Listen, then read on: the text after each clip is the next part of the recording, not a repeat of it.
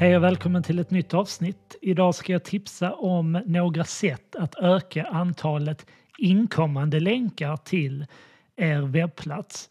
Och just inkommande länkar är ju väldigt viktigt ur ett SEO-perspektiv. Om det är så att Google tittar på olika sidor, låt säga att ni har precis samma innehåll som era konkurrenter på er webbplats, då behöver Google ytterligare sätt för att avgöra varför de ska placera just er sida före en annan i sökresultatet.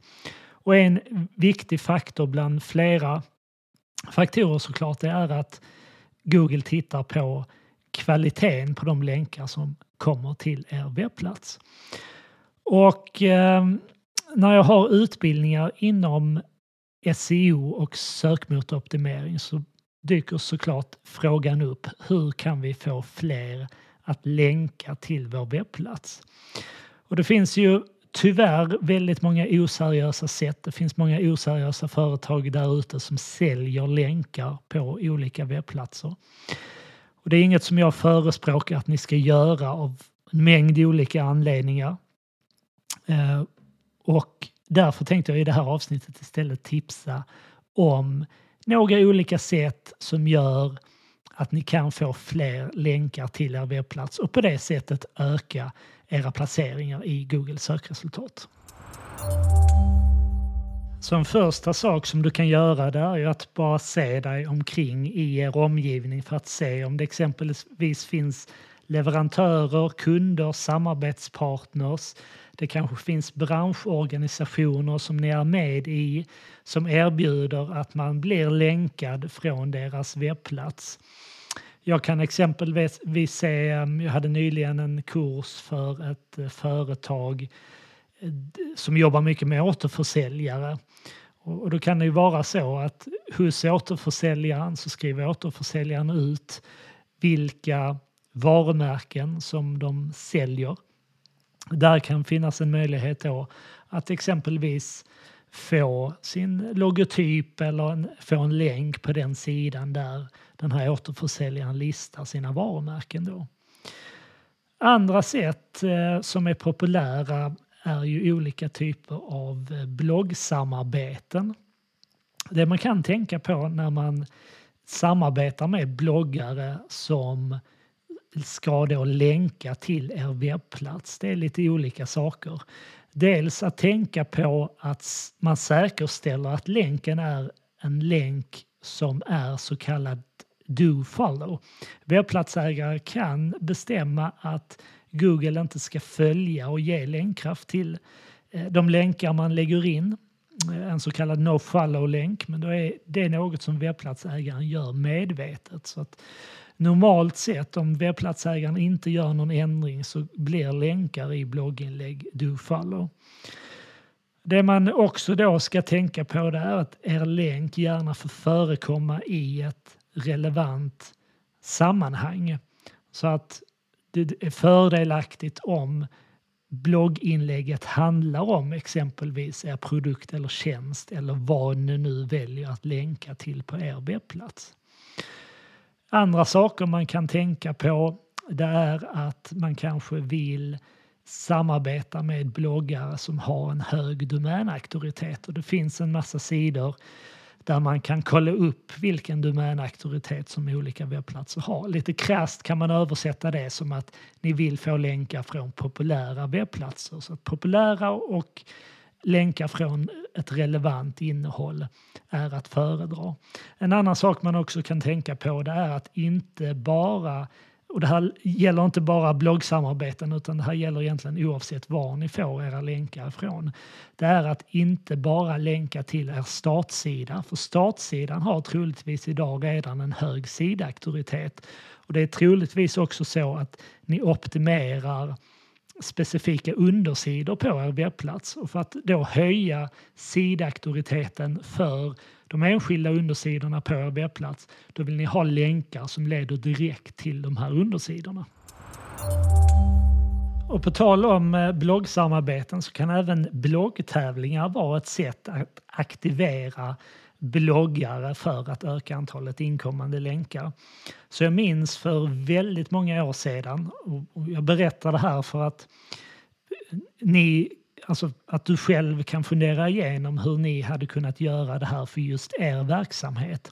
Men jag minns för väldigt många år sedan så hade Ving, jag, jag tror det var Ving, en, ehm, alltså resebolaget, de hade en, en bloggtävling som gick ut på att man som bloggare skulle blogga om sitt favoritresmål hos Ving och då även länka till det här resmålet på Vings hemsida.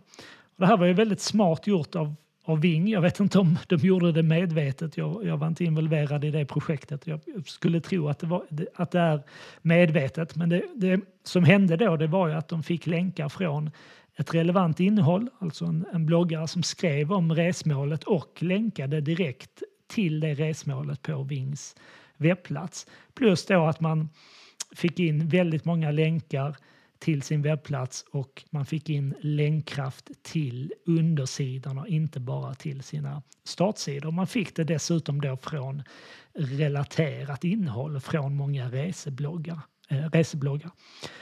Så att bloggsamarbeten och att då även aktivera bloggtävlingar kan vara ett sätt att öka antalet inkommande länkar. Ett annat sätt som är populärt när vi ändå pratar om bloggar det är att gästblogga hos andra aktörer och likadant där, länka till relaterat innehåll på er webbplats eller länka till de sidor som ni optimerar för specifika sökord.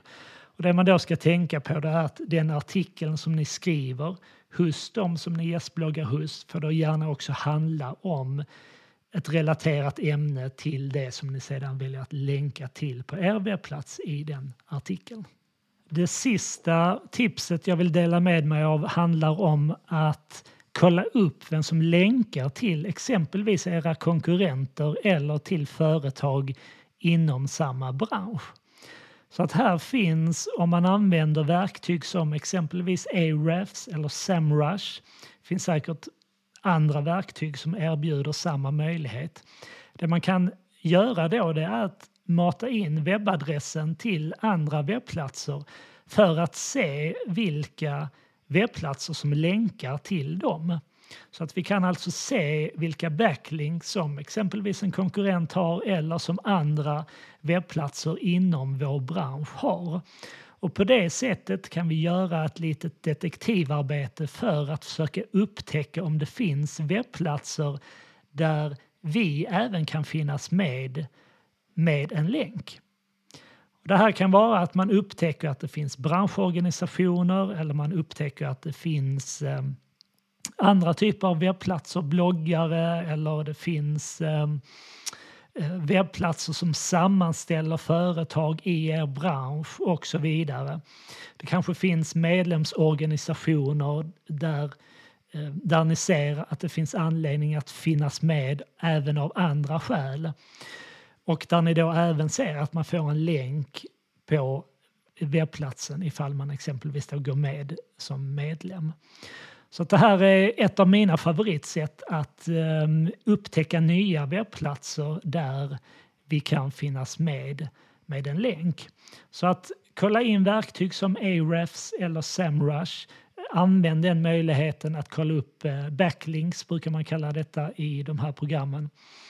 Och ehm, det tycker jag personligen är ett väldigt bra sätt för att hitta och upptäcka nya webbplatser som man kan kontakta för att eh, bli länkad ifrån. Så det var allt för det här avsnittet. Vill du ha mer tips kring digital marknadsföring så blir det gärna igenom poddarkivet. Vill ditt företag ha hjälp med er digitala marknadsföring så kontakta gärna oss på Nivide. Du når oss enklast om du mejlar till kontakt nivide.se. Jag lägger också med eh, kontaktuppgifterna i anslutning till det här avsnittet.